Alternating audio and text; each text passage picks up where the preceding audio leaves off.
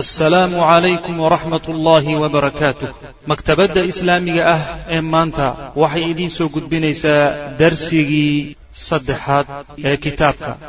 Kitaabu tawxiid lishaykh moxamed ibni cabdilwahaab alxamdu lilahi rab lcaalamiin alcaaqibatu lilmuttaqiina walaa cudwaana ila cala alظaalimiin wsali allahuma wslm cala nabiyina muxamedi wcala alihi wasaxbihi ajmaciin ama bacd baabu fadli tawxiid wama yukafiru min adunuub wuxuu baabu yahay baabuntu waa khabar mubtadihiisu xadfan yahay baa la dhihi karaa. Hada kani baabun baabu fadli tawxiid. Tawxiidka fadligiisii baabkii loogu talagalay wey ama baabkii lagaga hadlayay wey. Wama waa baabu maa shay baabkii wey. Yukafiru uu tirayo tawxiidku oo min adunuubi dembiye ah. Dembiyada uu tawxiidku tirtirayana baabkii lagaga hadli lahaa wey macnaha macnaha baabku waa sida fasalka oo kale o waxaa laga wadaa markay culimadu ay wax qaybinayaan iyo kitaab iyo baab iyo fasal iyo waxsaas oo kale ay uqaybiyaan marka tawxiidka fadligiisa unbuu ku saabsan yahay baabkani. Iyo tiridda uu tawxiidku dembiyada baabi'iyo. Ruuxii tawxiidka la yimaada in dembiyadiisa loo dhaafayo baabkaas ku saabsan yahay. Wamaadaasi marka waxaa laga dhigi karaa mawsuulo oo waxay noqonaysaa baabu fadli tawxiid. Wa fadli takfirihi may wafadli ma ay ladii yukafiruhu min adunuub iyo shaygii uu tirayey ee dembiyada ahaa ama maada haddii masteriye laga dhigo waa la heli karaayo wamaa yukafiru ay takfirihi min takfirihi adunuuba iyo tiridda uu tawxiid ku tiro dembiyada tiro wa qawlihi tacaala buu baab u yahay wa baabu qawlihi tacaala wey aladiina aamanuu walam yalbisuu iimaanahum bidulmin ulaa'ika lahum lmnu wahum muhtaduun aladiina kuwa aamanuu rumeeyey oo walam yalbisuu aan ku barxin iimaanahum iimaankooda bidulmin aan dulmi ku darin ulaa'ika kuwaasi lahum waxaa usugnaaday almnu nabadgelyo wahum iyaga keligood baana muhtaduuna kuwa hanuunsan ah iyagana hagaagsan oo toosan. Aayadda waxay sheegaysaa dadkii ciddii la timaada laba shay inuu laba abaalgud leeyahay. Labada shay uu la imaanayo waxa weeyaan aliimaan waa marka koobaad marka labaad ama tiirka labaad ee uu la imaanayana waxa weeye in uusan iimaankii wax dulmi ah ku dhex darin. Iimaan khaalis ah oo baraxla tawxiid baraxla ruuxii la yimaado oo wax dulmiya dhex gelin. Laba abaalgud buu leeyahay. Abaalgudka koowaadi waxa weeyaan nabadgeliyuu leeyahay. Adduun iyo aakharaba waa la nabadgelin. Abaalgudka labaadna waxa weeye wuu hanuunsan yahay oo waxay markhaati u tahay. Dadkii toosnaa ee jidka toosan hayay ayuu ka mid yahay wey macnaha. Labadaa arrimood baa looga markhaati kacay. Aayaddan marka markay soo degtay saxaabada nebiga sal alay slam aada bay ugu dhibaateedeenoo faham ay ka qaateen bay aada ugu dhibtoodeen. Sida imaam axmed iyo keyrka uu warinayo xadiidka bukhaarina uu warinaya nebiga sal alay slam aayaddani markay ku soo degtay ayay saxaabadu waxay u fahmeen aladiina aamanuu walam yalbisuu iimaanahum bidulmin dulmiga asalkiisa waxaa la yidhaahdaa shayga oo meeshiisii ku habboonayd meel aan ahayn la dhigo. dulmiga asalkiisaasaa la dhaha shirkigu marka dulmi wey maxaa yeelay waa cibaado meesheedii iyo ciddii lahayd cid aan ahayn cid aan ahayn la siiyey. oo meeshay ku habboonayd meelaan ahayn la dhigay. meelaan ku habboonayn la dhigay. wey dembiyada oo dhanna waa dulmi maxaa yeelay dembigu waa ficil ama waa qowl meel uusan ku habboonayn la dhigay wey kulligood marka waa wada dulmi. Waxay marka saxaabadu u fahmeen aayadda qur'aanka ah. Ilan aayaddu waxay sheegtay inay iimaanna la yimaadaan. Shardina ay tahay iimaanka inay ka ilaaliyaan inuusan wax dulmi la yidhaahdo barxin. Dulmigiibay marka waxay u fahmeen dembiyadii inay soo gelayaan shirkigii waaba ku jira isaguy laakiin waxay u fahmeen dembiyada ama ha yaraadeen ama ha weynaadeen ruuxii la yimaadaay iimaankiisa inuu barxay. Sidaa daraaddeed inuusan nabadgeliyada iyo hanuunka midna lahayn saasay u fahmeen. Markaase waxay dhaha ayunaa lam yadlim nafsahu yaa rasuula allah oo midka annaga naga mid ah ee aan lafihiisa dulminin yaa waay. Ruuxaan dulmi la imaanin oo haddii la yidhahdo dulmiga dunuubtaa laga wadaa waa cidda aan dambaabiyey tahay oo annaga naga mid ah. Cid walba waa dambaabtay marka waxay u fahmeen ciddii dambaabtayba inay iimaankiisii ku baraxday dulmi. Wabitaali inuusan amnina helaynin hanuunsanaynna muhtadina inuusan ahayn. Saasay u fahmeen. Markaasay arrintaasi aada u dhibtay. Nabiga marka salawatullahi wasalaamu caleyh bay arrinkii weydiiyeen. Markaasuu nabigu su yidhi salawatullahi wasalaamu calayhi laysa kamaa taquluun saaad leedihiin ma aha saaad u fahamteen ma aha alam lam yalbisuu iimaanahum bidulmin ay bishirkin baa laga wadaa buu nabigu yihi salawatullahi waslamu caleyh awalam tasmacuu ilaa qawli luqmaana libnihi ya bunaya laa tushrik billah ina ashirka ladulmun cadiim saasuu nabigu yihi salawatullahi wasalaamu caleyh saaad u fahamteen meehe shirkigan waxaa laga wadaa aayad dulmigan waxaa laga wadaa shirki baa laga wadaa oo ruuxu waa inuu iimaan la yimaado iimaankaa uu la yimidna waa inuusan shirki ku barxin oo shirki ka ilaaliyo ee lagama wado dunuubtii ama ha yaraadeen ama ha weynaadeen inuu iska ilaaliyo. Oo hadduu iska ilaalin waayo muhtadina ma aha. Yani waxa weeyaan amnina ma helayo saa lagama wadee iimaanka shirkiga ka ilaaliya wy maanaa tawxiidka shirkiga ka dhowraa waxaad ku tusaya qur'aanka oo u adeegsaday dulmiga shirki u adeegsaday hadalkii luqmaan dardaarankii wiilkiisa u dardaarmayey ee uu ku yidhi wiilkaygiiow ilaahay cid kale waxa ugu darin oo ha la wadaajinin maxaa yeelay shirkigu waa dulmi weyn wey dulmi la gala ka ugu weyn wey shirkigu. Kaasaa marka laga wadaa ujeedada marka aayaddu waxa wey dulmiga tawxiidka iyo iimaanka keligii haddaan shirkiga laga saarin waxba ma tarayo. Saas wey walam yalbisuu iimaanahum bidulmin waa shardi waayo waa inuu ruuxu tawxiidka markuu la yimaado tawxiid baraxla oo saafi ah oo waxba lagu darin oo soocana ah waa inuu ilahay ula yimaado subxana wa tacaala. Saa hadduu sameeyo wuxuu ilahay ku abaalmarinaya subxaana wa tacaala inuu macnaha hanuuniyo adduun adduunka intuu joogo cadaab aakhariya mid adduunna laga nabadgeliyo oo muhtadi uu noqdo aaminna uu noqdo ka nabadgalo ciqaabta ilahi subxana wa tacaala. Ayib. Su'aal baa marka meesha imaanaya ishkaal. Su'aashu waxa weeye dad waxaa jira muslimiin ah oo iimaan la yimid shirkina aan gelin. Haddana isla markaa aakhare markay tagaan la cadaabi oo cadaabka la geyn.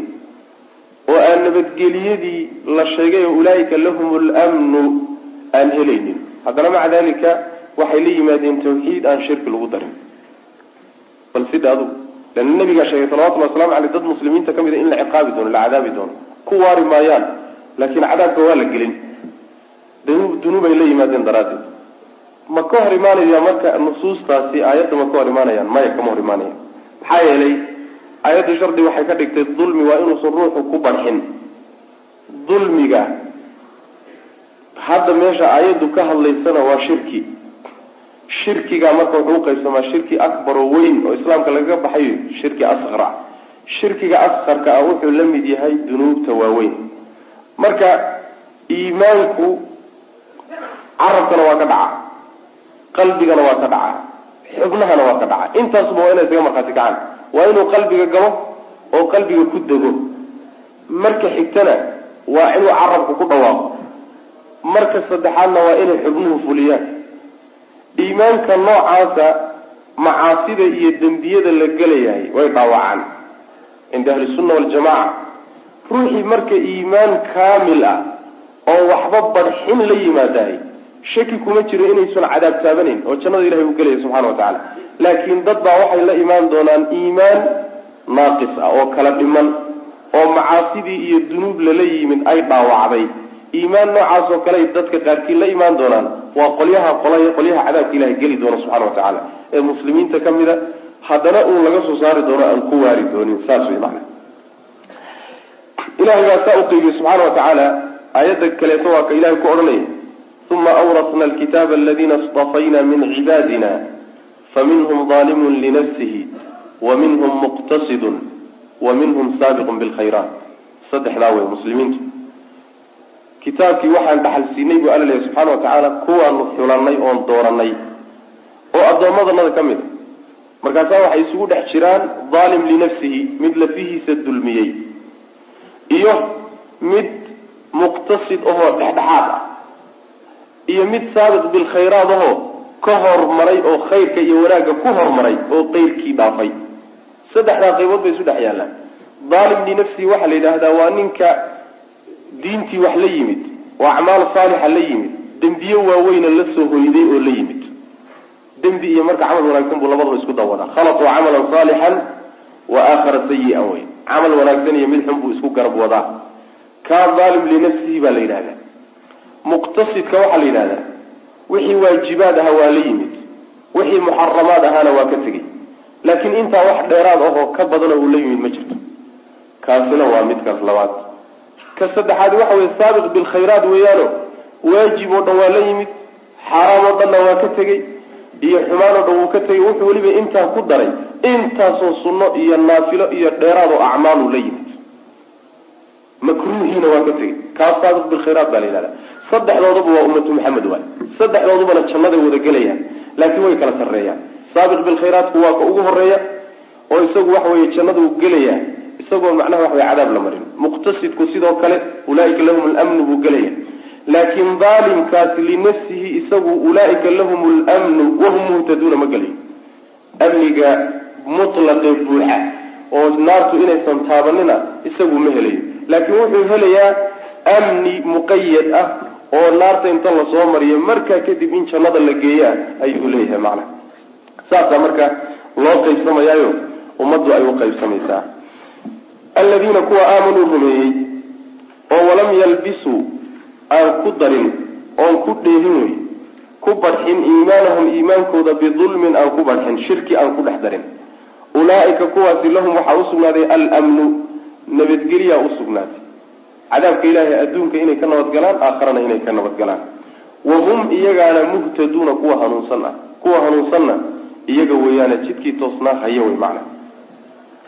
Shardi wey marka waa tii aan xalay shalayta ka soo warramaynay oo darsigeena horo tawxiidku labadiisa tiir. Ta koobaadi waxa weeyaan iimaan ta labaadna waxa weeyaan nafyi oo diido oo inaan iimaankaasi shirki iyo xumaan iyo waxyaalo kale lagu darina macna. Can cubaadat bnu samit qaala qaala rasuulu lahi sal lay waslam nabigu wuxuu yihi man shahida an laa ilaha ila allah waxdahu laa shariika lah. Man shahida ciddii qirta an laa ilaaha mid xaq lagu caabudo inuusan jirin ila allahu alla mooye waxdahu xaal uu keligii yahay laa shariika cidla wax wax la wadaagtana lahu isaga la wadaagtaana mawjuudun mid jira uusan ahayn sidaasi ruuxay u qira ayib wa ana muxamadan ciddii qirta waman shahida ciddii qirta ana muxamadan muxamed cabduhu addoonkii ilaahay inuu yahay warasuuluhu iyo rasuulkiisa. Wa ana ciisa ciisana cabdullaahi addoonkii ilaahay inuu yahay warasuuluhu iyo rasuulkiisa. Wa kelimatuhu kelimadii ilaahay inuu yahay. Kelimadaasoo alqaaha uu riday alle ilaa maryam maryam xaggeeda uu riday. Wa ruuxun ruux inuu yahay oo minhu xagga alla ka timid. Ninkii qira waljannata waman shahida ciddii qirta aljannata jannada qirta xaqun inay tahay wannaara naartiina xaqun inay tahay adkhalahu llahu ilaahay baa gelinaya aljannata jannaduu gelinaya calaa maa kaana wixii ahaaday dushiisa lagu gelinaya oo min alcamali camal ah wuxuu camal la yimid ee uu wato intuu dooniba ha dhannaadee ayaa jannada lagu gelin buu nabigu leh salawatullahi waslamu caleyh akhrajaahu saxiix albukhaari iyo saxiix muslim ba ku yimid oo saxiixeynka ayaa soo saaray. Xadiidku dhowr arrimood oo mabaadi'da tawxiidka ka mid a ayuu ka hadlayaa. Midda koobaadi waxa weeyaan inuu ruuxu qiro in uusan jirin ilaah xaq lagu caabudo alla mooyaane subxaana wa tacaala. Waxdahu waa la sii adkeeyey. Waxdadaasi waxay adkeynaysaa ila allahu day adkeyn. Laa shariika lahuna waxay sii adkeynaysaa laa ilahay adkeynaysa yani waxa hadalkii baa la sii adkeeyey ninkii qira. Mid xaq lagu caabudo inuusan jirin leanna ilaah waxaa la yidhahda sidiisaba macbuud waaye. Waxaa soo gelaya macbuud bixaq wa macbuudun bigayri xaq. Inta la caabudaa waxay isu dhex yaallaan. Mid gar lagu caabudayo oo cibaadadan iyo waxaan la siinaya gar u leh oo xaq u leh iyo mid gardarro ay ku tahayoo loo soo boobay ama xatooyo loogu soo qaaday oo gardarro lagu siinayo cibaadadan. Labadaasaa la kala saariy oo sidaa daraaddeed baa laa ilaaha macnaheeda saxa waxa weye laa ilaaha ay laa macbuuda bixaqin. Mid xaq lagu caabudaayey ma jiro ila allahu alla mooyaane. Waxaa baxaya marka kuwa faraha badan ee xaqdarrada lagu caabudo ee cibaadada lagu siinayo magacay dooniba ha lahaadeen. Ama macnaha waxa weye malaa-ig ha lagu magacaabo ama rususha ilahay qaar ka mid a ha noqdeen ama awliyada ha noqdeen ama amwaadda qaarkood ha noqdeen ama geedaha ha noqdeen waxay dooni ha noqdeen. Magacay dooni ha xambaarsanaayeen maxaa yeelay cibaadadaa la siinaya xaq maaha gardaray ku tahay. Ciddii sidaa qirta oo inta ka dambaysana ku dirtaay jannadu ilahay gelinaya subxana wa tacaala. Shahaadateynka marka qiridooda shuruud badan baa loo shardiya in afka uun carabka laga yidhahdo keliya ma aha. Way imaan doontaa insha allahu tacala gadaal baan kaga hadli doonaa laakin laa ilaha ila allah islaamka o dhan bay matalaysaa islaamka o dhan ayay matalaysaa maa waqara fi lqalbi wasadaqahu lcamal waay laysa aliimaanu bitamani wala bitaxalli walakin maa waqara fi lqalbi wasadaqahu lcamal iimaanku sidiisaba sheegasho ma ah tamani iyo uun iska jeclaysasana ma ah ee waa wax qalbiga ku weynaado oo qalbiga ku sugnaada kadibna camal uu camal uga markhaati kaco camal uu ku xigsado wey macnaha. Yacni waa wax qalbigana degaya carabkana ka soo fulaya xubnaha intoodii kaleetana yani waxa weeyaan saamayn ku yeelanaya ayaa iimaanka la yidhahda marka laa ilaha ila allah wax saalan maaha innaga waxaynala tahay wax fudud oo ciddii iska tidhahdaba jannada iska geli. Sida axaadiista inoo imaan doonto laakiin shuruud badan bay leedahay oo gadaal dambe insha allahu tacala aan ka sheegi doono oay ka mid tahay. Ugu horeyso shardiga ugu horreya alcilmu bimadluuliha macnaheeda ruuxu waa inuu garanayo. Laa ilaha illa allah marka wax u tarayso waa inuu macnaheeda fahmayo. Hadduusan macnaheeda garanaynin oo uun kelimo uun afka laga or yidhaahdo ay ka tahay. Ama aad ka soo gaadh waa la leeyahay dadku saasay leeyihiin iska dheh unay ku tahay waxba tari maysa marka. Waxdahu laa shariika lah. Waxaa lagu adkeynayaa hadalka hore labadoodaba lagu adkeynayaa taasi waa ta koobaad wey ta labaadi waxa ama mabdaa labaadi mabaadida tawxiidka ka mid a xadiid ku sheegay wa ana muxamadan cabduhu warasuuluhu muxamedna inuu yahay addoonkii ilaahay iyo rasuulkiisa inuu yahay. Waa inuu ruuxu qiro u fiirso laba arrimood baa laisdaba dhigay. Addoonnimona waa lagu sifeeyey nabiga salawatullhi wasalaamu caleyh rasuulnimona waa lagu sifeeyey. Laba qolaa lagula dagaalamaya. Qolo waa qolo nabiga salawatullahi wasalaamu caleyhi intay huluwi iyo xadgudub ku samaysay dhaafisay martabadii addoonnimada. Oo addoonnimadu waa mansilada ugu sarraysa ee sideedaba makhluuq uu gaadho wey. Saas daraaddeed baa ilaahi subxaana wa tacaala markuu nabigiisa tilmaamayey maqaamaadka ugu sarreeya markuu ku tilmaamayey addoonnimuu ku tilmaamay. Waxyiga degitaankiisa iyo marka laga warramayo waa sharafka ugu sarreeya wey. Haddana addoonnimuu ilahay ku tilmaamay subxana wa tacala subxaana aladii asraa bicabdihi layla min almasjid alxaraam bicabdihi addoonnimaa lagu tilmaamay nabiga salawatullahi waslamu caleyh yani tabaaraka aladii nazla alfurqaana calaa cabdihi addoonkiisa waa nabiga salawatullahi waslamu caleyh addoonnimo marka wax ka dhex bixi karo oo makhluuqa ma jiro waxaana lagu kala fiicany oo lagu kala sharaf badan yahay addoonnimadaa sida loogu kala fiican yahay ruuxba ruuxuu ilaahay uga addoonsan yahay buu ka sharaf badan yahay sidaas weyaan maxaa yeelay ruuxa addoonnimada ilahay hadduu ka baxo cid kale unbuu addoon u noqon ama ibliis buu addoon u noqon ama adduunyo iyo dirham iyo dinaar buu addoon u noqon ama cid kale unbaa addoon ka dhigani. Laakiin addoon waxaa ugu fiican ka ilaahay subxaana wa tacaala keligii addoon u ah marka waxaa lagula dagaalamaya cabduhudaasi qolyaha nebiga ku xadgudbay salawatullahi wasalaamu calayh oo xuquuqdii ilaahay uu lahaa qaar ka mida siiyey. Sida baryada oo kale u yeedhashada oo kale u gawraca oo kale tala saarashada oo kale yani waxa weeyaan dhibka in laga magangalo dheefna la weydiisto. Waxyaalahaasoo kaleeto dadka nebiga u tiiriyey salawatullahi wasalaamu caleyh ama cilmulgeybka oo dhan inuu og yahay oo yaqaana ku sheegay qolyahaasaa yaa lagu radino cadoon ilaahay wey adoon ma dhaafsiisna nabigu salawatullahi wasalaamu caleyh qolyahaasaa lagu radin wa rasuuluhuna waxaa lagu radinayaa. Qolyaha nabiga salawatullahi wasalaamu caleyh meeshii uu mudnaa ka soka mariyey oo ka gaabiyey oo ama rasuulnimadiisii diiday ama rasuul wuxuu mudnaa oo in la rumeeyo oo la raaco oo la jeclaado oo la qadariyo oo la xushmeeyo oo hadalkiisa hadallada kaleeto uu ka weynaado wix xuquuqdii noocaa ee rasuul lahaan jiray qolyaha ka soka mariyay nabiga salawatullhi wasalaamu caleyhi bay raddi ku tahay wa rasuuluhu. Sida dhexdhexaadkaana waxay tahay inaad addoonnimana usugto nabiga salawatullahi wasalaamu caleyh risaale iyo rasuul ilaahay inuu ahaana aada usugto mid walbana meeshay leedaha aada dhigto. Sidaa wey sida la doonaya macna.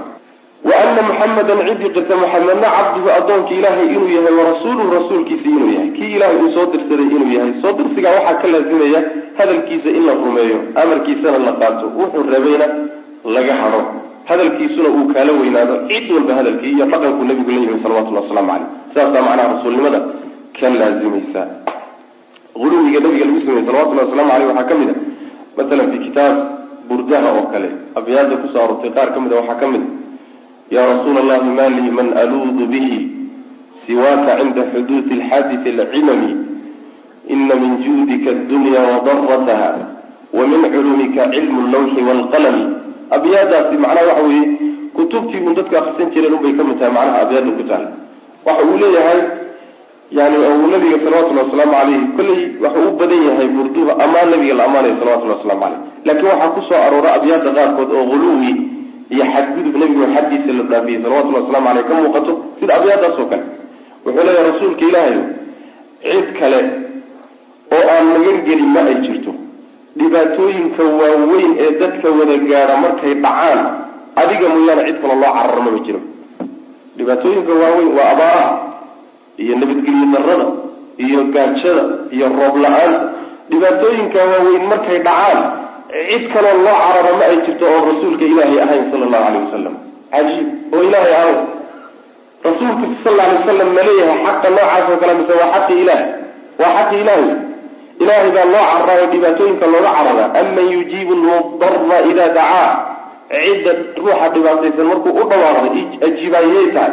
Waa allah ilahun maca allahi ma cid kaloo ilahay lala baryaa jirta oo ay ilaah kaleeta oo la garab dhigo maya. Marka waxay ka mid tahay huluwi yani beytka labaad wuxuu leeyahay waxyaalahaad noogu deeqday waxaa ka mida nebiyow eed ummadda ugu deeqday adduunyada iyo aakharaba darada waa aakhara wey yani adduun iyo aakharaba waa deeqdaad adigu bixisay. Cilmigaagana waxaa ka mida lowxa iyo lowxu maxfuudka iyo qalinkii qoray wax alla wixii cilmi ku yaalay oo dhan waa cilmigaaga qaar ka mida wey. Cilmiga nebiga wuxuu ka ballaadhan yahay salawatullahi wasalaamu calayhi lawxulmaxfuudka iyo qalinkii qoray cilmigay qoreen iyo cilmiga ku yaalla cilmiga nebiga ka ballaadhan salawatullahi waslamu caleyh waa qeyb cilmigii nebiga ka mid saasaa ku taalla beytka ayb oo ilaahay subxaana watacaala heerkaa miyuu gaarsiiyey nebigiisa salawatullahi wasalaamu caleyh isaguse nebigu salawatullahi wasalaam ma sheegtay inuu halkaa joogo maya waa diiday nebigu salawatullahi wasalaamu caleyh laa tatrunii kama adarat nasaara ciisa bna maryam. War ha iigu xadgudbina siday nasaare iyo kiristan ay igu xadgudbeen nabiyullahi ciisa calayhi salaam.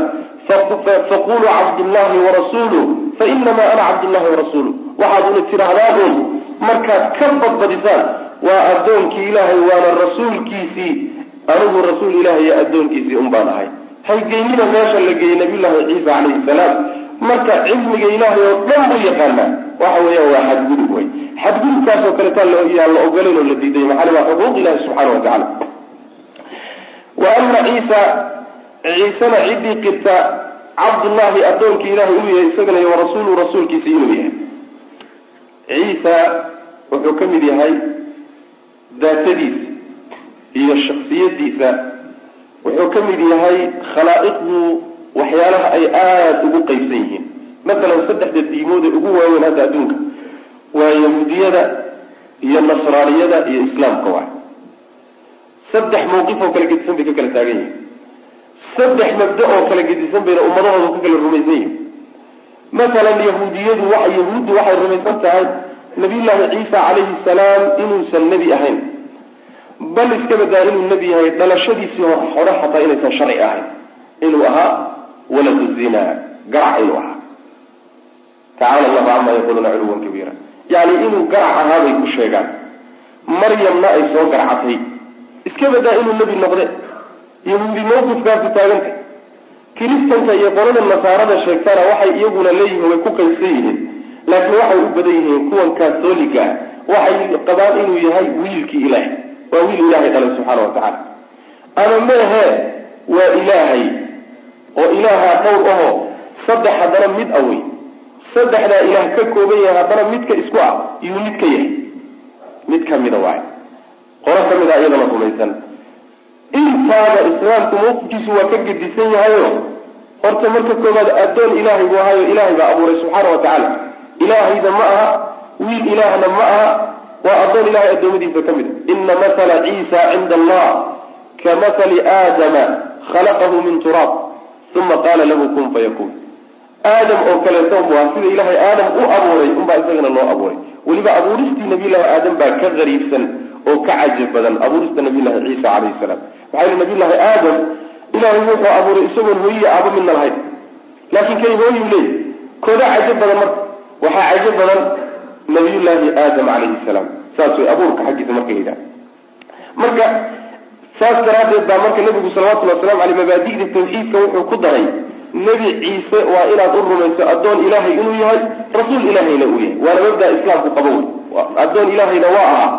Rasuul ilaahay soo dirsaday oo nabiyullaahi muuse ka dambeeyey oo ilaahay uu kitaab u soo dhigay kitaabka injiil ahaa saasay muslimiintu rumaysan yihiin. Waana mabda saxda kiristankuna waa ku xadgudbeen oo xaddiisii bay tillaabiyeen.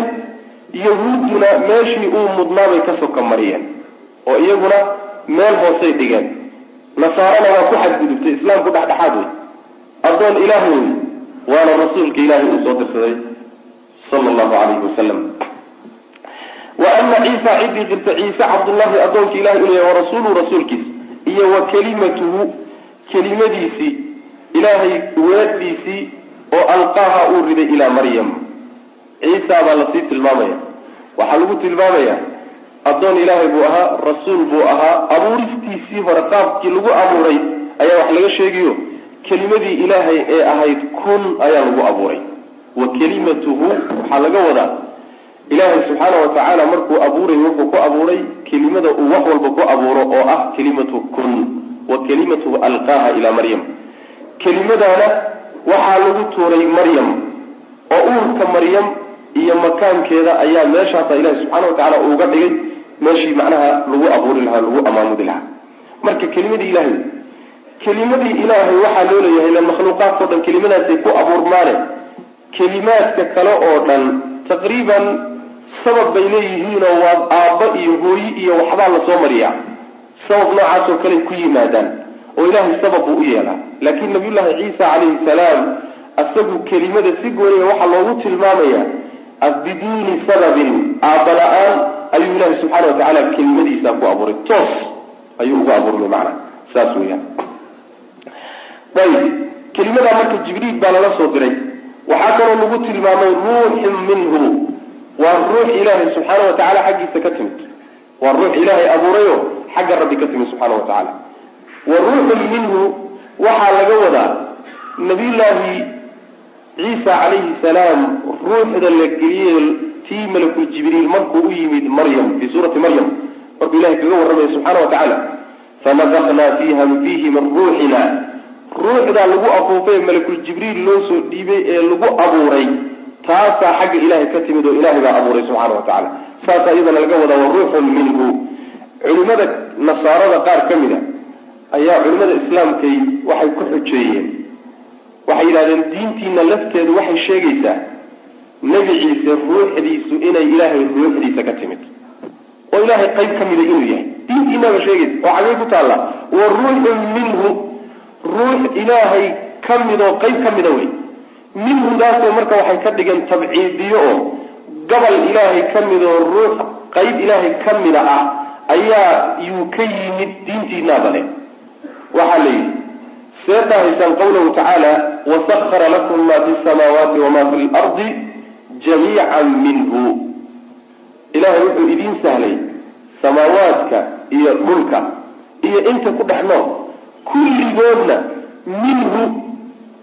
Ma isagay ka mid yihiin baad dhahaysaa mise xaggiisay ka yimaadeen baad dhahaysaa xaggiisay ka yimaadeen. Minhu waa minhu. Minhudan maxaad ku tirahdeen ilahay qayb ka mida wey minhudan makhluuqaadkao dhan ku jiraanna ilahay qayb ka mida maa maxaad u dhahaysaa? Marka minhuda lagama wado tabciidiya ibtidaa'iye wey yani ruuxun kaa'inatun min allahi wey ruux xagga ilahay ka timi subxaana wa tacaala oo xagga alle ka soo fushay oo xagga alla laga abuuray ruux noocaas oo kale ilahay ku abuuray subxana wa tacala lagama wado ruux ilahay qayb ka mid ah ayaa lagu abuuray.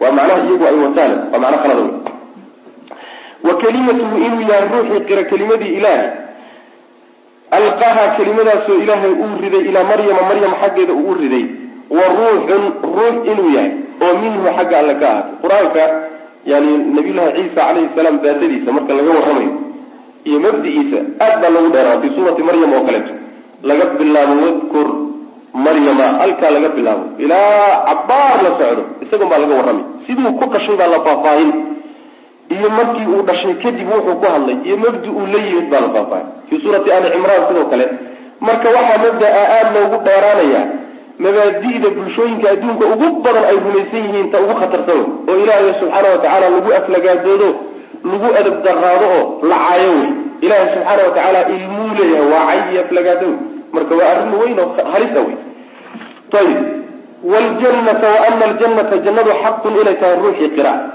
jannadu inay xaq tahay. Waa aakharo la rumeeyo wey wnaara wa ana naara naartuna xaqun xaq inay tahay ruuxii rumeeya. Adkhalahu llahu ilaahay baa gelinaya aljannata.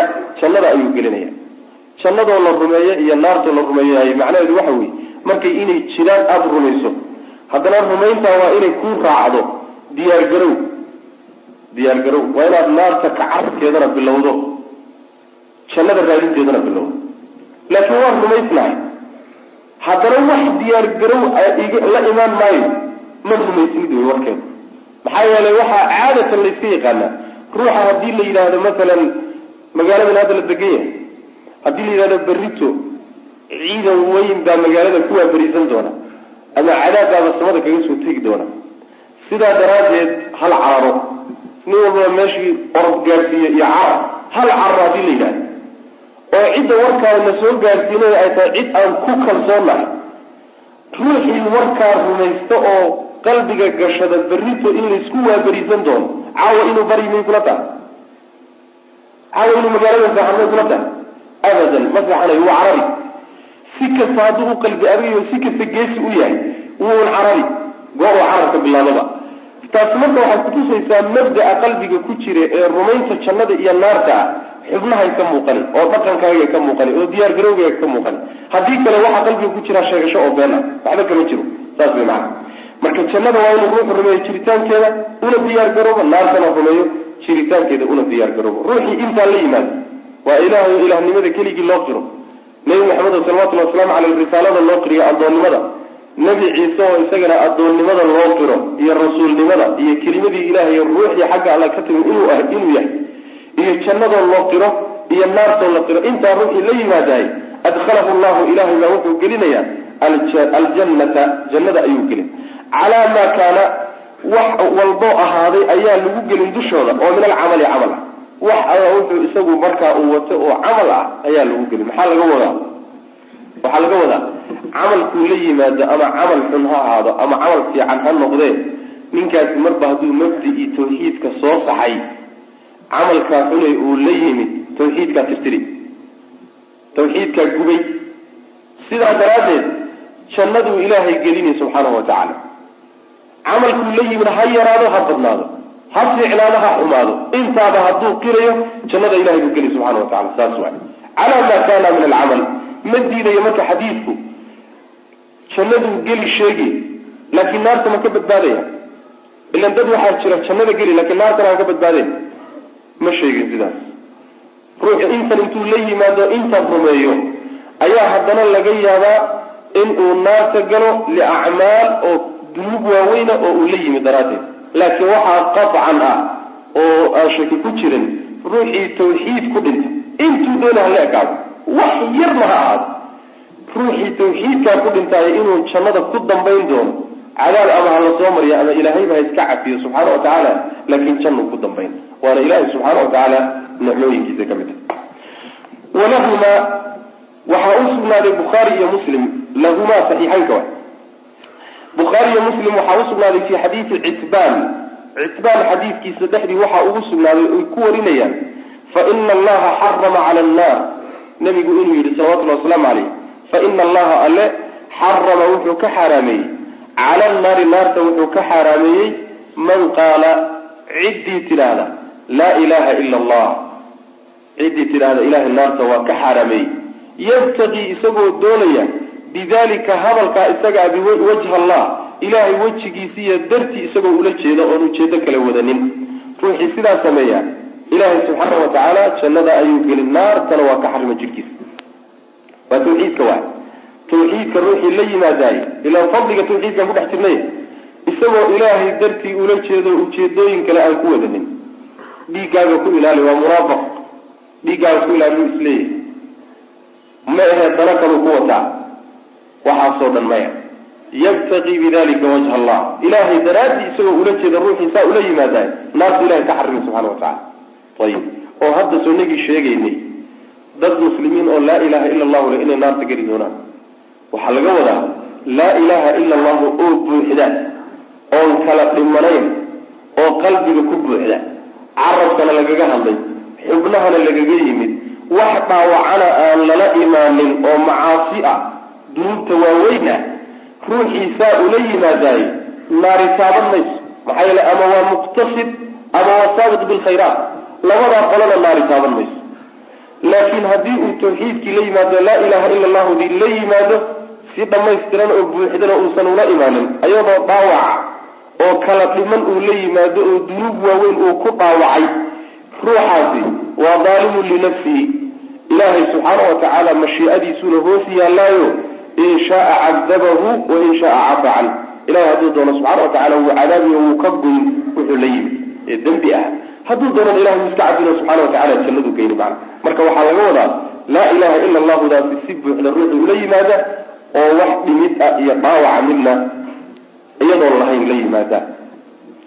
Shuruud bay leedahay laa ilaha ila allah nin raggii taabiciinta ka mid a ayaa waxaa lagu yihi sheekh laa ilaha alaysa man qaala laa ilaha ila allah yadkhulu ljanna ruuxii laa ilaha ila allahu yihahdo so jannada geli maayo. Markaasuu yihi bala jannada waa gelaya laakiin ma soo miftaaxu ljanna ma hadale. Alaysa laa ilaha ila allah miftaaxu ljanna laa ilaha ila allah soo furihii jannada ma ah oo laa ilaha illa allah ruuxuu yidhahdo soo jannada geli maayo maxaa yele furihii buu wataa. Guri hadduu kaa kufulan yahay furihiisiina aada wadato waad un furan soo ma ah markaasuu yihi nacam waa furihii jannada. Laakin ma min miftaaxin ilaa walahu asnaan. Fura ma jiro wax lagu furo ilaa wuxuna ilkuu leeyahy fain atayta bimiftaaxin lahu asnaan futixa laka wailaa lam yuftax laka. Haddaad adigu furo ilkihiisii watan keensatana ood la timaadana albaabka wuu kuu furi.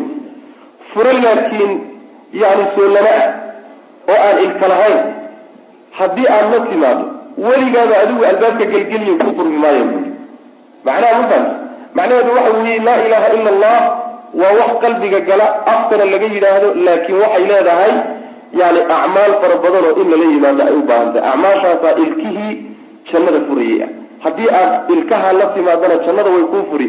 Haddii kale laa ilaha ila allahu mumtaxan oo qaawan oo aan ilka lahayn oo adigu meel la tago maa adigu meel gee shuruudbaa marka loo shardiyaa laa ilaha ila allah ruuxa markay naarta ka badbaadinayso jannadana gelinayso ilaa waxaa la shuruud dhowr ah shardiga koobaad alcilmu lmunaafi liljahli.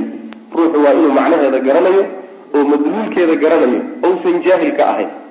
Laa ilaha ila allah muxamadun rasuulullah maxaa laga wada cajiib waxyaalaha qariibka waxaa ka mid a jamaahiirta muslimiinta maanta haddii la weydiiyo laa ilaha ila allahu bal macnee qalla man yahtadii laha. Cid garan oo macnaheeda ku hanuuni aad bay yarta waxyaalaha layaab kale bay ka mid haddana maca dalika waxaa kaaga daran sayban danba ayna uga lahayn.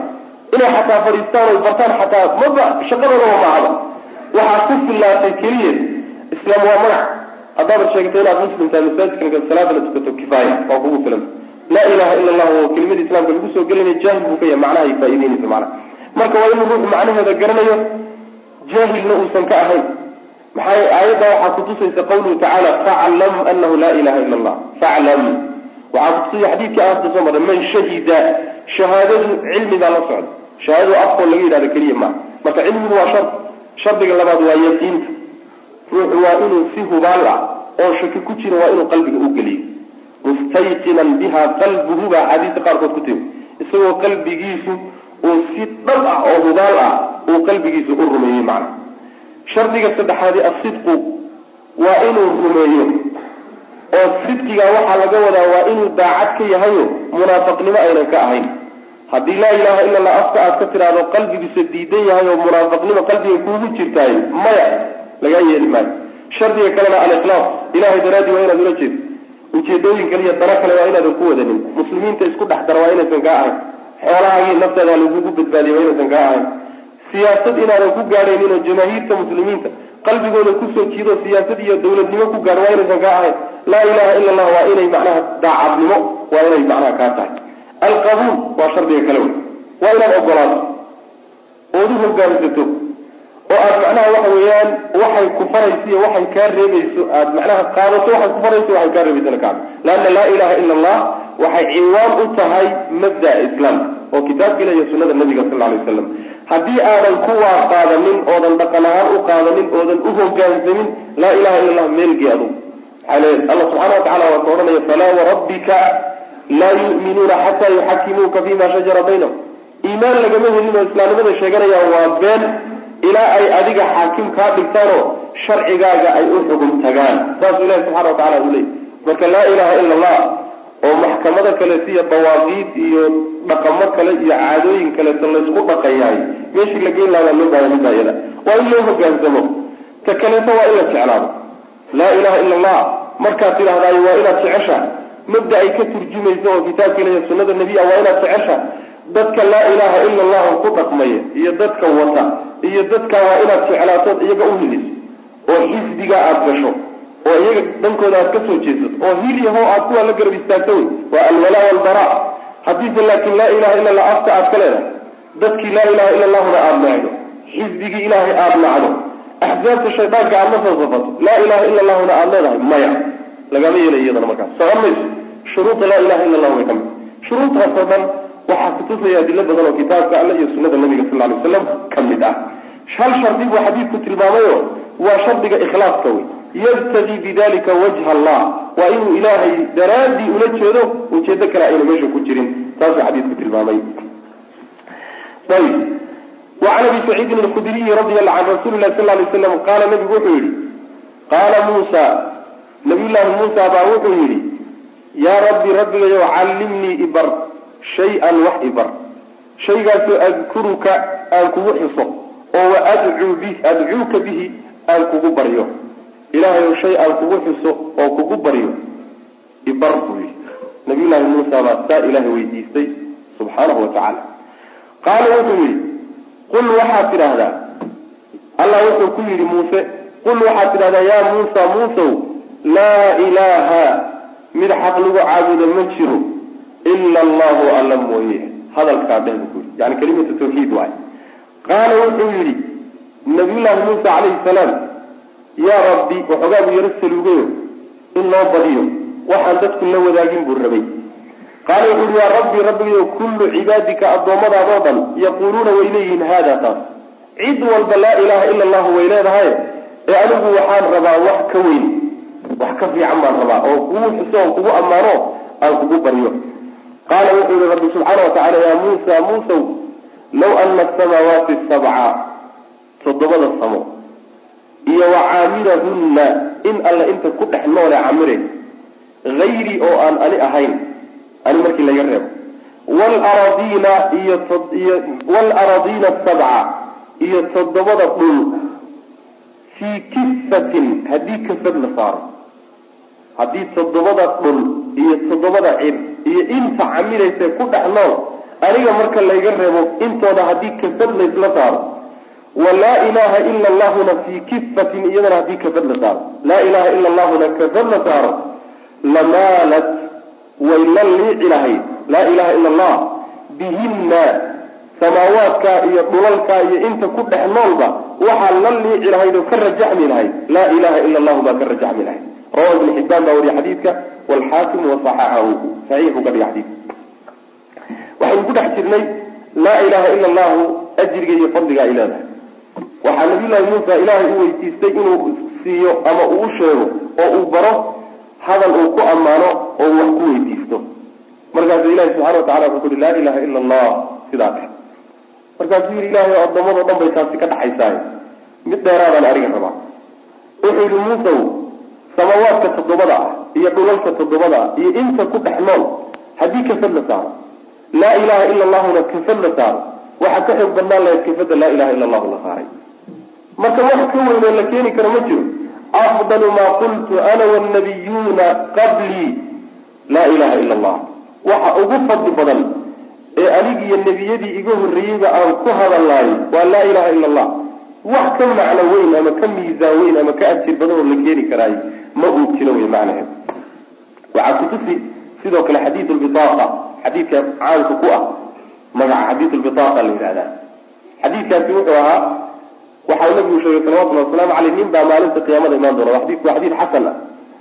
Markaasaa wuxuu la imaan doonaa markuu yimaado wax camal ah oo uu wataayo ma jiro.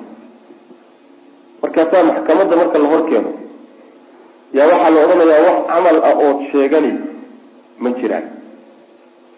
Waxaa loo soo saarayaa sagaal iyo sagaashan diiwaan oo sayi-aadkiisa iyo dembiyadiisu ka buuxaan. Markaasaa la dhihi akriso markaasaa waxaa markuu akristaa la dhihi wax haba yaraate ee lagu dul saaray ama lagugu duudsiyey oonan la imaanin oo dusha lagaa saaray ma ku aragtay maya bu dhihi.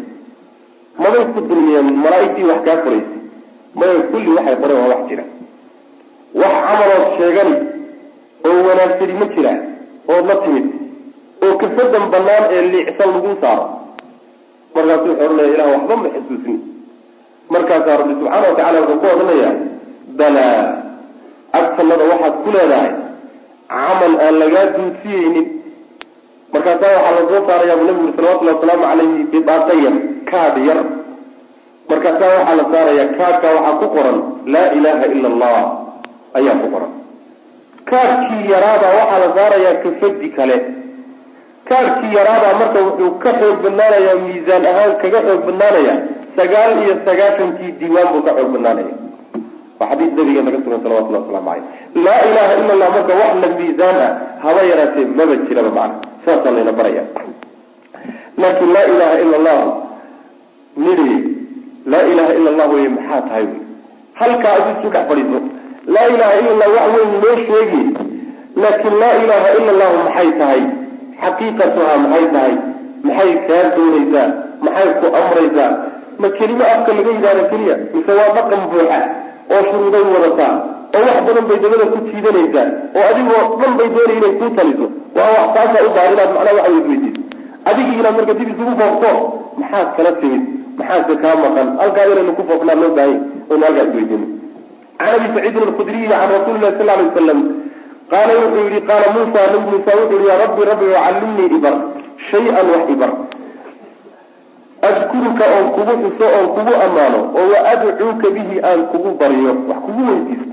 Qaala wuxuu yihi qul waxaad tidhahdaa yaa muusa muuse waxaad tidhahdaa laa ilaha ila allah qaala wuxu uhi yaa rabbi rabbi kullu cibaadika adoom addoommadaado dhan yaquuluuna hada way leeyihiin kaas addoommado dhan buu ka dhexeeyaaye mid dheeraada isi wey qaala wuxu uhi yaa muusa muusow low ana asamaawaati haddii samooyinka asabca ee toddobada ah wa caamirahunna iyo inta camiraysa ee ku dhex nool hayrii oo aniga aan ahayn aniga marka laga reebo waalaraadiina iyo toddobada waalaraadiina iyo dhulalka dhe asabca ee toddobada ah intooda haddii fii kifatin ay kafad dhexdeed yihiin walaa ilaha ila allahu laa ilaha ila allahuna fii kifatin ay kafada kale ku jirto lamaalat way la liici lahayd. Bihinna samaawaadka iyo dhulalka iyo inta ku dhex noolba laa ilaha ila allahu baa la liici lahayd oo ka xoog badnaan lahayd. Rawahu ibn xibaan baa wariye alxaakim wasaxaxahu walitirmidiy waxaa usugnaaday waxasanahu tirmidi xadiidka xasan buu ka dhigay. Can anasin wuxuu ka warinaya samictu rasuul lahi sal lay sl nabigaan maqlay buu yihi anas. Yaquulu isagoo nabigu le sal lay waslam qaala allahu tacaala ilahay baa wuxuu yihi waa xadiid lqudsi waay waa axaadiista ilahay uu nabigu ilahay ka weriye subxaana wa tacala xadiid lqudsi baaqiitanii aada ii timaadood ila kulanto laa tushriku adoon ii shariig yeelaynin oo wadaajinaynin bi aniga shay a waxba aan ila wadaajinaynin. La ataytuka waan kuula imaanoo waan ku siin. Biquraabiha dhulka muggiisa wax dhoweeya makfiratan oo dembi dhaaf. Saas wey dhulka muggi oo dembi ah haddaad ilaahay ula timaado. Laakiin aad tawxiid la timaado laa ilaha ila allah adoo xaqiijiyey ilaahayna cid kale aan garab dhigaynin haddaad mabda-a la timaado. Dhulka muggi oo dembiye oodoo watana aad ku garab wadana la timaadahay. Kuwa waa lagu dhaafi baa laleeya subxana watacala ugu dhig aniga taa inaan kuu dhaafo. Laakiin maxaa lagaga baahaya altawxiid wa cadamu lishraaki maca allahi hayra ilahay inaadan cid kaleeto wax la wadaajinin ta lagaa dooni waa taa ilahay uu kuu dhaafo wixii kaleeto marka. Saas. Marka waa taan sheegnayo waa in qalbiga iyo carabka iyo xubnaha kulligood laa ilaha ila allah waa inay fuliyaano si wada jira ay u wada qaataan way macana saasay markay ku noqon kartaa in wax alla wixii dembiga addoonku uu yimid ay tirtirto ilahay uu ku dhaafo subxaana wa tacala qaala allahu ilahi wuxu uhi tacala kore ya bna aadam ina aadamow low ataytanii haddaad iila timaado biquraabi lardi dhulka muggii ama dhulka muggii wax dhoweeya khadaaya oo gafafyaal iyo dembiye ah uma laqiitanii markaa kadibna aada ila kulanto laa tushriku yani dhimashada kadib waay. Laa tushriku adoon wadaajinaynin bi aniga shay oo waxba aan ila wadaajinayn shardiga ugu adagkaa wey waa shardi culus. Ballanta ilahay waxay ku xidhan tahay shardiga. Uma laqiitanii laa tushriku bi shay-a. Shardiga adigu isku day inaad taxqiijiso. Saa daraadeed waxay keenaysaa sidii saxaabadaba nabigu sal lay waslam markii aayaddan hadda soo marinay. Marba haddaad maqasho meesha shirki baa ku jira. Waxoogaa yaroo mudutuul shirki baa ka muuqata haddaad maqasho carab xataa haddii laysku qabsado ood maqasho culimadoo isku haysto qaarna leeyihiin war meesha shirki weeyoon diinta lagaga baxa. Meesha qaarna ay war diinta lagagama baxe waa tawxiido waa fiican tahay carar adigu carabka xaggeeda uun jiro ila waxaa yani waxa way xaqiiqadu ay tahay diinta in ixtiyaad loo qaato. Sidiisaba yani khayr wax kuma yeeleen shar utoo kaa wey shar iska jir.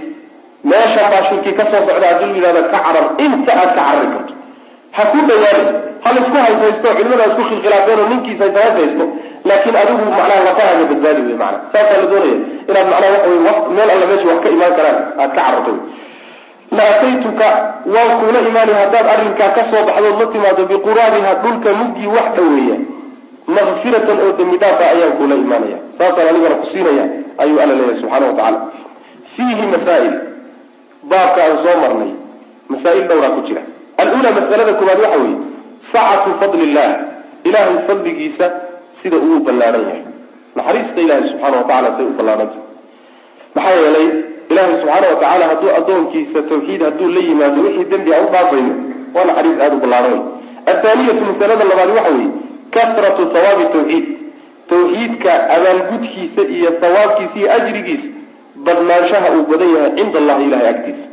Tawxiidka siduu u ajri badan yahay iyo abaalgudkiisa ayay kutusi athaalithatu midda saddexaad waxa weye takfiiruhu tawxiidka tirtiridiisa uu tirtirayo maca dalika ajirka iyadoo laga helayo lidunuubi dunuubta dhan uu tirtirayo laba arrimood oo waaweyn baa tawxiidka lagu gaadha. Ajriga iyo abaalgud weynoo jannada ilaahay kow ay ka tahay waa lagu helaa iyo ridihiis dembi wixii aada gashayna waa laysugu dhaafaa cadaabna waa lagaga badbaadaa.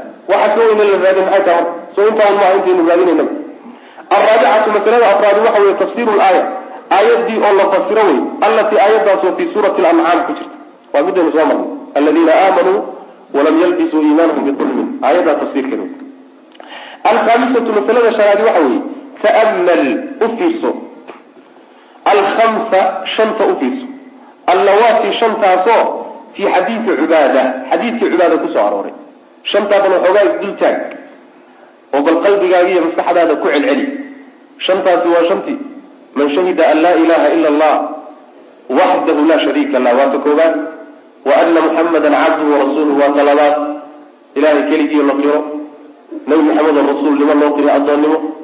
Nebi ciise oo loo qiro addoonnimo iyo rasuulnimo iyo kelime ilahay iyo ruux xagga ilahay ka jannada oo loo la ogolaado iyo naarta oo la ogolaado marka waa shan arrimood waa tirar waaweyn saadisatu midda lixaad idaa jamaca baynahu wa bayna xadiidi citbaan xadiidkaa hore iyo xadiidkii citbaan haddaad isu geyso wamaa bacdahu iyo xadiidkii citbaan wixii ka dambeeyey. Tabayana laka waxaa ku cadaani macnaa qawlihi laa ilaha ila allah. Wa tabayana laka waxaa kaloo ku cadaan khata'u lmaqruuriin dadka kadsoon ee la kediyey ee shaydaan uu kediyey gafka ay ku jiraanna way ku cadaani macnaha waxa weye xadiidkii ugu horreeye lahaa man shahida an laa ilaha ila allah wa ana muxameda rasuulullah. Shahaadada ilaaqayay markii intaad axaadiistii kale u geyso ee yabtaqii bidalika wajha allah shuruudda ku xidhaysay kuwaa markaad isu geyso waxaa kuu soo baxayo oo si buuxda aada u fahmi laa ilaha ila allahu macnahoodaad fahmi. Waxaa kaloo garani dadka kadsoon oo shirkiyaadka ku dhex jira oo qubuurta dul ictikaafsan oo amwaadda baryaya oo ilaha qaybkii u yeedhanaya oo awliyadood u yeedhanaya kuwaas oo shaydaan kediyey gafka ay ku jiraanna waad garan. Oo waxaa kediyey waxa weeye laa ilaha ila allah marba haddaad afka ka leedahay maba gaaloobi kartaaba. Saas wey saan idiin soo sheeg mabda murjia wey murjiada waxay qabaan ruux hadduu afka laa ilaha ila allah uu ka leeyahay nawaaqidu tawxiid inuusan la imaan karin oo tawxiidkiisu uusan jabi karin oo tawxiidka uusan buri karin oo islaamka ka bixi karin. Saasay qabaan waa mabda aada u khalda wey asaabicatu mas'alada toddobaadi waxa weeye atanbiihu baraarujin dadka lagu baraarujiyo lishardi shardigii lagu baraarujiyo fii xadiidi citbaan ku soo arooray. Shardigaasi waa kii ahaa yabtaqii bidalika wajha allah. Ayb ilahi daraadi ula jeeda athaaminatu masalada sideedaadi waxa weye kawnu lambiyaa nebiyada ahaanshahooda ay yihiin yaxtaajuuna kuwa u baahan litanbiihi baraarujin lagu baraarujiyo calaa fadli laa ilaha ila allah. Laa ilaha ila allahu fadligay leedahay laa ilaha ila allahu fadligay leedahay in laysku baraarujiyo caamada keliya uma baahnee xataa waxaa u baahan nebiyada ilahay baa u baahan soo nabiyullaahi muuse ma ahayn ululcazmi buu ku jiraa. Shanta rususha ugu fadli badan buu ku jiraa. Haddana ilahay wuxuu barayaa subxaana watacaala laa ilaha ila allahu fadligeeda la baraya. Inaynu khaldannaha garan marka markaan leenahay laa ilaha ila allahu un baa la leeyahay ma hadda tawxiidkana loo laqiniyo tawxiidka haddana la bari ma islaamnimadaanu soo gala gaala miyaanu ahay war laa ilaha ila allah waxaa la barayaa nabiyullahi muusa calayhi salaam xagee joognaa inagu. Cilmigeedu maba dhammaanaba nihaayo male bad aan laga bixi karin wey laa ilaha ila allah cilmigeeda sidaa daraaddeed mar walba inaad dul taagnaato aada barato sharceeda qaadato dhegaysato waa waajib waay. Saas ataasicatu midda sagaalaadi waxa wey masalada sagaalaad. Atanbiihu baraarujin laysku baraarujiyo. Lirujxaaniha rajaxnaanta ay ka rajaxan tahay bijamiici lmakhluuqaat makhluuqaadkao dhan ay ka xoog badan tahay oo ka culus tahay. Laa ilaha illa allah waa ka culus. Maca ana kaiirin iyadoo ay jirto haddana in badan oo miman yaquuluhaa dadka odhanaya ka mid a yakifu inuu fududaan doono miisaanuhu miisaankiisu inuu fududaan doono. Oosay isu qaban. Sarada oo muslimiin a miisaankoodu fududaan maayo. Laa ilaha illa allahu nabi wataala ogow. Oo waxaa xoog badnaanaya dhankii dembiyadaa xoog badnaanaya oo laa ilaha ila allahu di samaawaat iyo dhulalka iyo inta ku dhex noolba ka xoog badatay xaggay jirtaa wayba wataaya may wax tarto. Waa laa ilaha ila allahu sida kurtumada looga gurahayay oo loo jafayey oo loo dhaawacayay oo dhiigga looga keenayay sakaraada wey saas. Laa ilaha ila allahu buuxda ma ah laa ilaha ila allahu buuxda hadduu la imaan lahaa shaki kuma jiro.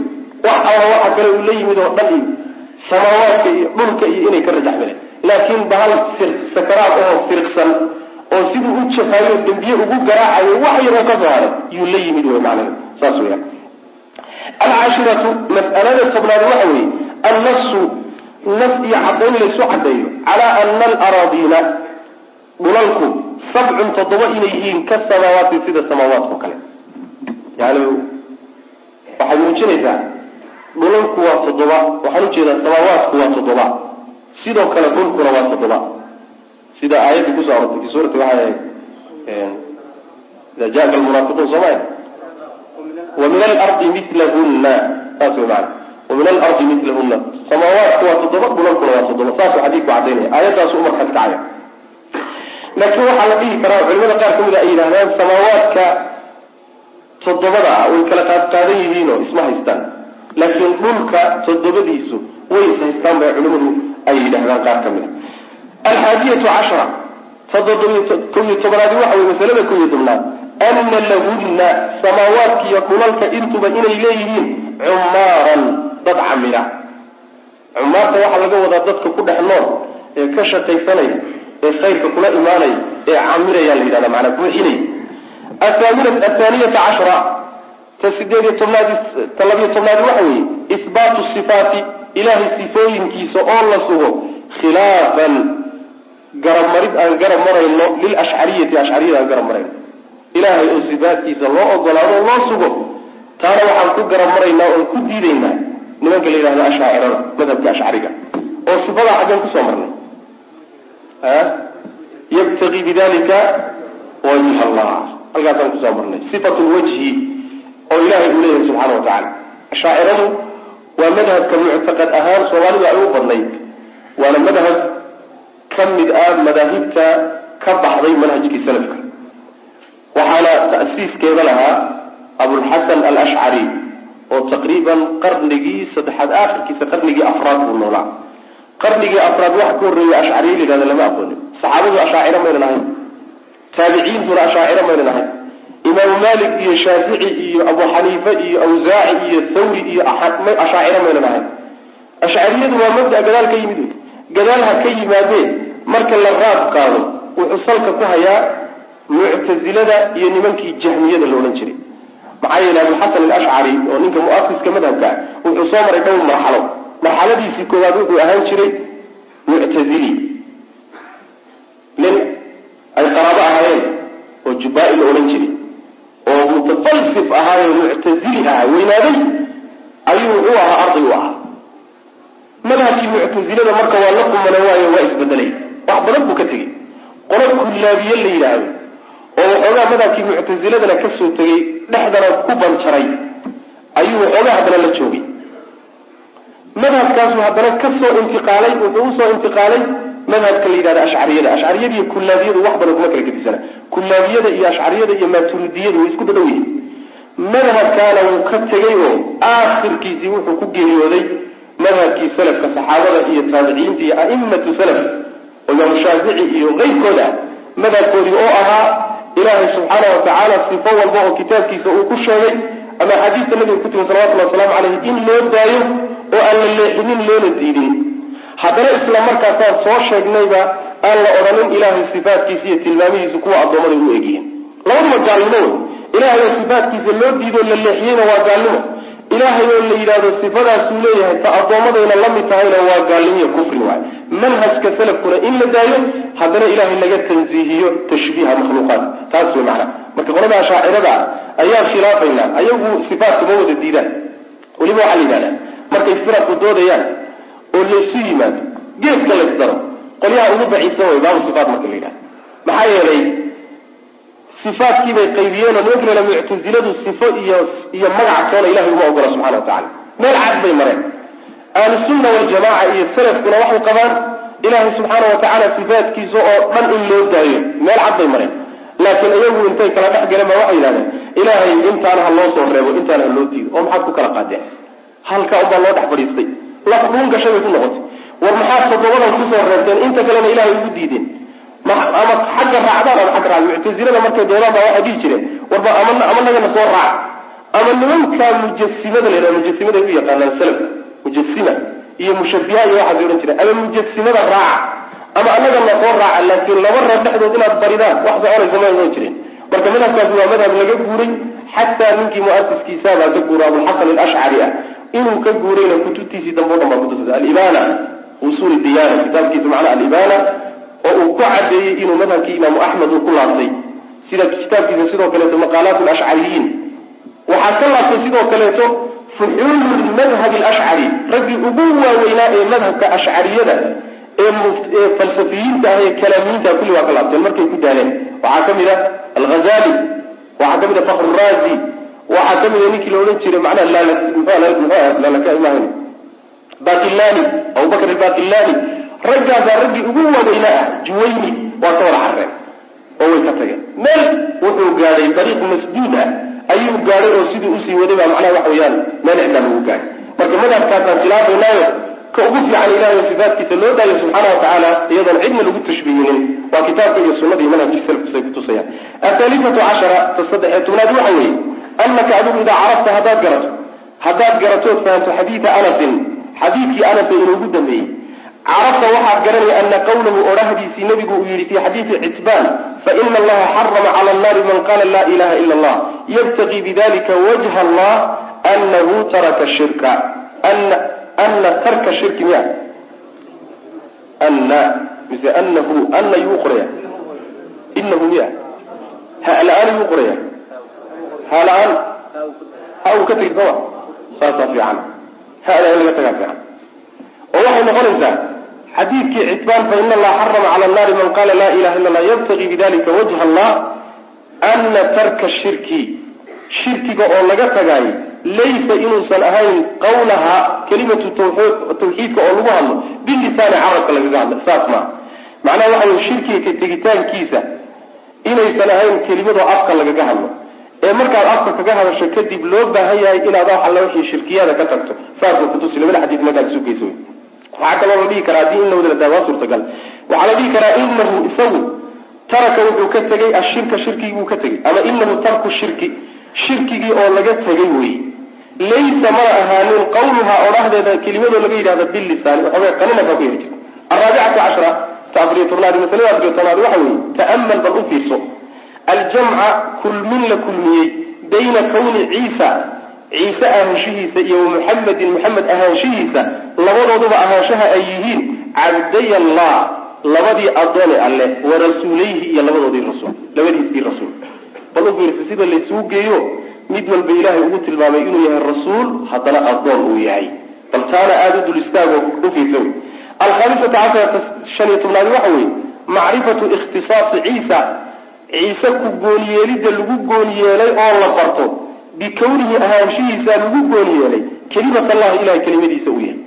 Ciise gooniyeelidda lagu gooniyeelay kelime ilaahay inuu yahay ood baratana ayadana meesha ku jirta.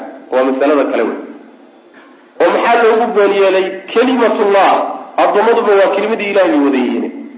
Saasaa laga daran. Oo waxaa loogu gooni yeelay ahmiyad gooni. Ah iyo isagoo sabab la'aan ilahay subxaana wa tacala uu abuuray. Kelimatu kun biduuni sababin buu ilahay ku abuuray subxana wa tacala ayib asaadisata casharata lixi tobnaad waxa weye macrifatu kuni kawnihi in la barto ahaanshaha uu nabiyullaahi ciise uu yahay ruuxan ruux oo minhu xagga ilahay ka timid ruux xagga ilahay ka timid inuu yahay oo iyadana la barto ayaa iyadana mas'alada kale ku jirta baabkeena asaabicata casharata toddobiyo tobnaad waxa weeye macrifatu fadli liimaan rumayn la rumeeyo biljannati jannada la rumeeyo wannaari naarta la rumeeyo fadliga ay leedahay oo la bartaa iyadana ku jirta fadliga ay leedahay jannada iyo naartoo la rumeeyo fadliga ay leedahay baa iyadana oo la bartaa ku jirta athaaminata casharata sideeyo tobnaad waxa weye macrifatu qawlihi cala ma kana min alcamal.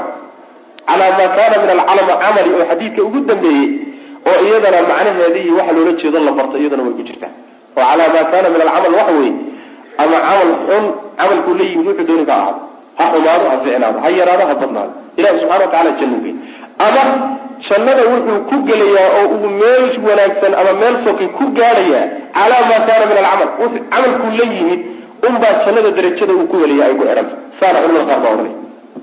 Ataasicata casharata sagaaliyo tobnaad waxa weeye macrifatu ana almiisaana barasho la barto iyo garasho la garto ana almiisaana miisaanka lahu miisaanka inuu usugnaaday kifataan laba kafadood inuu miisaanku leeyahy miisaanka aakhara acmaasha lagu miisaamayo faama man haqulat mawaaziinuhu faama man khafat ama man khafat mawaaziinuhu miisaankaasi waa miisaan xaqiiqi ah oo maalinta aakhare inta la keeno laba kafadood oo xaqiiqiyuu leeyahy markaasaa midna acmaashu xumayd baa la saari midna acmaashu wan wanaagsanid baa la saaraya ee wax macnawi ah ma aha saasuu xadiidku kutus alcishruuna faa-iidada labaatanaadi waxa weeye macrifatu dikri lwajhi wejiga ilaahay sheegidda la sheegay oo iyadana la barto ilaahay subxaana wa tacala weji waa sifadii koobaad rabbi subxaana wa tacala weji buu leeyahy wejigiisuna wejiga addoommada uma eka. Weji u qalma oo weynankiisa iyo cadamadiisa u dhigma oo isaga laa-iqa buu ilahay leeyahay subxana wa tacala war intaa haddii lagu gaabsado yaa wax la yeelay. Ma cid baa wax loo dhimo ilahay meel lagaga dhacay subxana wa tacala weji isaga u qalmo ilahay leeyahay subxana wa tacala marnaba fahamkaaga ha la soo aadin weji buu ilaahay leeyahay marka lagu yidhaahdo inaad adoomadiisa la soo abaarto. Taasa qiyaaskaasaa khalad ah caqligaagaba inay ku soo dhacdo iyo qalbigaaga khalada marka horeba. In aad tidhaahdo ilaahay weji buu sheegay haddaan wejigaa meel loo yeelin oo la leexininna addoommada wejigoodii buu u ekaani oo weji indhale oo afle oo carable baa meeshii soo bixi oo ilahay iyo addoomma seed isula soo doonatay marka horeba. Soo khalad maa qiyaaskaasa marka horeba khalad waana meesha keentay inay firaqda khaldantay ay ku khaldamaan. Runtii intooda badan niyad sami baa haysay iyo ikhlaas. Oo ilaahay subxaana watacaala xumaan ka fogeeya oo nasaha niyadaasay ku khaldameen. Khaladkuna meeshuu ku galay ka galay ugu horreysa waxay ahayd ilahay iyo addoommadiisa isla soo doontayba marka hore. Sifadii ilaahay lahaa ee isu sheegay ama nebigiisa u sheegay unbaa waxay la noqotay uun hadday sugaan inay tii addoommado kale noqon warkaasoo kale maa ilahay carshigiisuu ka sarreeya haddii la yidhahdo meel buu ku fadhiyaa maa ilahay weji buu leeya haddii la yidhahdo wejiga addoommada maa gacan buu leeya haddii la yidhahdo gacmaha addoommada maa faruu leeya haddii sida xadiis nabiga kuso artay salawatullahi waslamu aleyh faraha addoommadoo kale maaha waa kuwo isaga u dhigma qaadkay u yaalaanna maba geli karnaba. Mana garanayno intaasay ugu taabsan laakiin xadiidkiiyo qur'aanku intay sheegeen waynu sheegi waanan sugaynaa. Nebiga salawatullahi waslamu aleyh saxaabadii iyo salafkii iyo culimadii waaweynaa iyo a'immatu larbaca yaynu kaga dayanayna insha allahu tacala. Meel cidaan ma taagnin lafcadna toogin kuma haynin. Hada wabillahi tawfiiq. Sal allahu waslam ala nabiyina muxamedin wala alihi wasaxbi wasalam darsigaani halkaas ayuu ku eg yahay. Allah tabaaraka wa tacaala waxaan ka baryaynaa inuu nagu anfaco. Assalaamu calaykum waraxmat ullaahi wa barakaatuh